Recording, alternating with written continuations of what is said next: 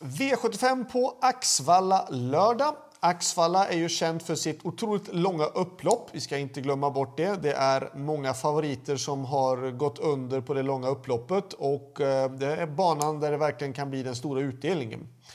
Eh, vi börjar med V75 1 där vi har en favorit i nummer 1, Lozano di Quattro. Utan tvekan den bästa hästen i fältet. Jättefin häst, otroligt kapabel och bra häst. Men också lite eh, osäker, orutinerad i sitt beteende. Um, hade jag varit säker på att han går felfritt just från spår 1 i voltstart och öppnat helt okej, okay, ja då är det ju såklart ett spikförslag i ett Lozano di Quattro. Men med tanke på galoppen, med tanke på att han inte är helt stabil och säker och rutinerad så um, har jag valt att gardera. Um, Nio El Vego Khalifa är den som är värst emot på förhand. Eh, vill man gardera på med lite mer hästar då tycker jag 4 Rio Alta Vine, 6 Ove Palema och 7 Matchem är de som är intressanta också att kunna utmana. Men en solklar första häst utan tvekan är ju då såklart nummer 1, Lozano di Quattro. Det är en jättefin häst.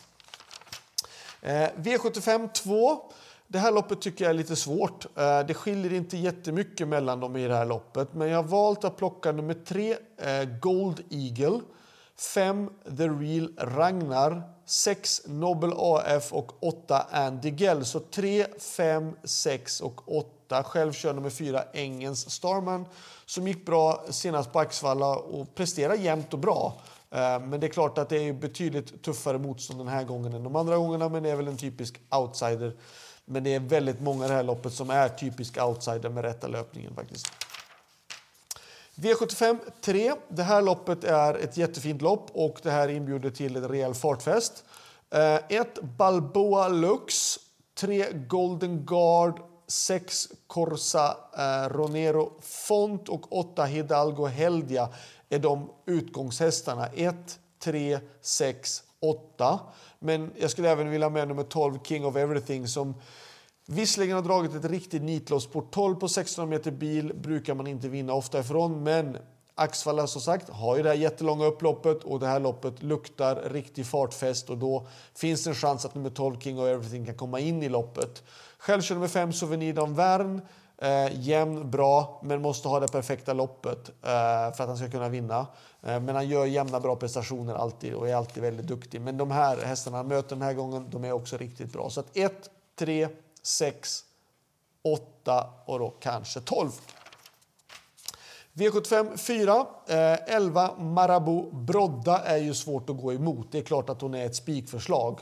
Eh, det ändra ska man spika Marabou Brodda i avdelning 4 Eh, så, eller så ska man då spika den första avdelningen, då, nummer 1, Lusano di Quattro. De två är eh, andra spikarna för mig i den här omgången. Eh, jag har en första spik och det är faktiskt i den sista avdelningen. Men vi ska gå igenom avdelning fyra nu då först. Och Elva Marabou Brodda är ju jätteduktig, har gått ut och mött hingstarna bland annat och varit rejäl. Den här gången då så har de visserligen spår 1 på 20 meters tillägg men Thomas Urberg är jätteduktig i voltstart och det kommer inte vara något problem tror jag att kunna komma ut. Um, värst emot, ja det är väl de här hästarna som står på start då. Uh, två Something Royal gjorde en jätteuppryckning formmässigt senast barfota runt om. Lite väl osäker är hon, eh, men sköter hon så går felfotdjur om förra gången prestation och gör det på en liknande tid, ja då är hon väl en av dem som kan räknas på det. Tre Vilma Töll. Tittar man fem starter tillbaka den 28 september då gick hästen barfota runt om och gick faktiskt 14 och 2 och 2 ett volt. Det är ungefär vad Marabou Brodda också har gått. Nu kommer säkert Marabou Brodda gå säkert en 13 tid. Men rent tidsmässigt och barfota runt om så tycker jag att tre Vilma Töll är intressant. Sen då nummer 6, eh, S Mahatma, likadant där. Eh, visserligen kommer från två dåliga prestationer, men hästen besitter kapacitet och Kalle Jeppsson upp från ett springspår är också såklart intressant. Så att, eh, 11 är första hästen, spikförslaget. Eh, där bakom då 2, 3 och 6. Vill man ta ytterligare någon då, då är det nummer 10, Make It och Star som jag skulle säga varningen i sådana fall. Barfota runt om och norskt huvudlag. Örjan Kihlström på en Marcus B. Svedberg-häst. Jag kan tycka att det kan vara värt att passa upp för. V75 5. Eh, Cicero TG gjorde, fick, kom helt fel på det, vart fel från start, backades, vilket alla andra gjorde och det blev helt fel och kom aldrig in i loppet senast på Åby. Ehm, läge för revansch den här gången. Ehm, visserligen ett eh, liknande utgångsläge, men ehm, jag vill inte gå miste på att han kan få... Det är en jättebra häst. Gjorde ett rejält slutvarv senast ändå. Um, absolut, sju Cicero TG räknas. Likadant nummer nio, Unico Broland, gjorde en väldigt fin comeback på Färjestad. Och 10 Etos Kronos var ju sådär ruskigt bra på Solvalla i finalerna. Så att, eh, 7, 9, 10 är de som räknas i avdelning 5. Varningen det är i sådana fall då nummer 3, Hades de Vandel. De här holländska och även de här andra övriga utländska hästarna som kommer är alltid värda att passa upp de här första starterna. De är väldigt hårt förberedda just för att prestera bra direkt. Um, och ja, Hades de Vandel har ju gått väldigt bra i tuffa lopp och uh, har ett bra utgångsläge den här gången. Själv kör nummer 5 Shorting Cash. Känns helt okej, okay, men jag tycker ändå inte han är riktigt så bra som han var än så länge. Och eh, jag ligger lågt. Det viktigaste är att han fungerar i ett lopp. Han har ju ändå eh, tre stycken nollor på raken i Frankrike och nu är det viktigt att han fungerar en gång i alla fall. Så att 7, 9, 10 och varning för 3.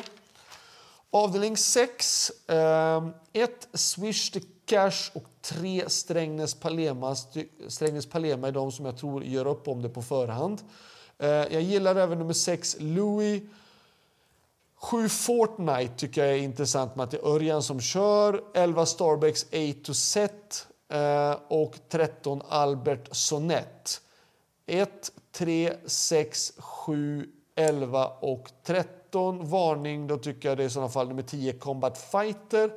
Själv kör nummer 9 Max Håleryd som gjorde bra lopp senast men eh, 20 meters tillägg jag fick ett perfekt lopp senast, gick jättebra då, men 20 meters tillägg den här gången, ja, han är väl den där hästen som är nästa efter de här jag nämnt i sådana fall att komma in i loppet. V75 7 då, det var ju den där bästa spiken i omgången och det tycker jag är i, då, i den sista avdelningen, nummer 4, Rob the Bank. Ehm, um, Fredrik B Larssons hästar har visat jättebra form, hästen har ett perfekt utgångsläge. Kommer visserligen ifrån en galopp senast, men jag hoppas att det var ett otur eh, i arbetet. Men med tanke på att hästarna för Fredde har jättebra form och Rob the Bank står på ett perfekt utgångsläge. Motståndsmässigt tycker jag inte heller att det är supertufft. Eh, värst emot tycker jag i sådana fall är då fem Laredo Boko eller kanske nummer sex Global Concept. Men jag tror att fyra Rob the Bank faktiskt leder det här loppet runt om. Eh, alternativt då få den perfekta resan. Men jag tycker att fyra Rob the Bank är faktiskt den bästa spiken i hela omgången. Ehm, slutsummering, ja. Bästa spiken har jag ju sagt flera gånger nu i då sista avdelningen nummer fyra, Rob the Bank. Och mina chanser, ja, lite tunt den här omgången också, men i sådana fall om man vill ta med mig så tycker jag att i den första avdelningen nummer eh, sex, Ove Palema. Alternativt då i den fjärde avdelningen nummer fyra, Something Royal. Så det var allt. Lycka till, ha det bra, så hörs vi vidare. Hej då!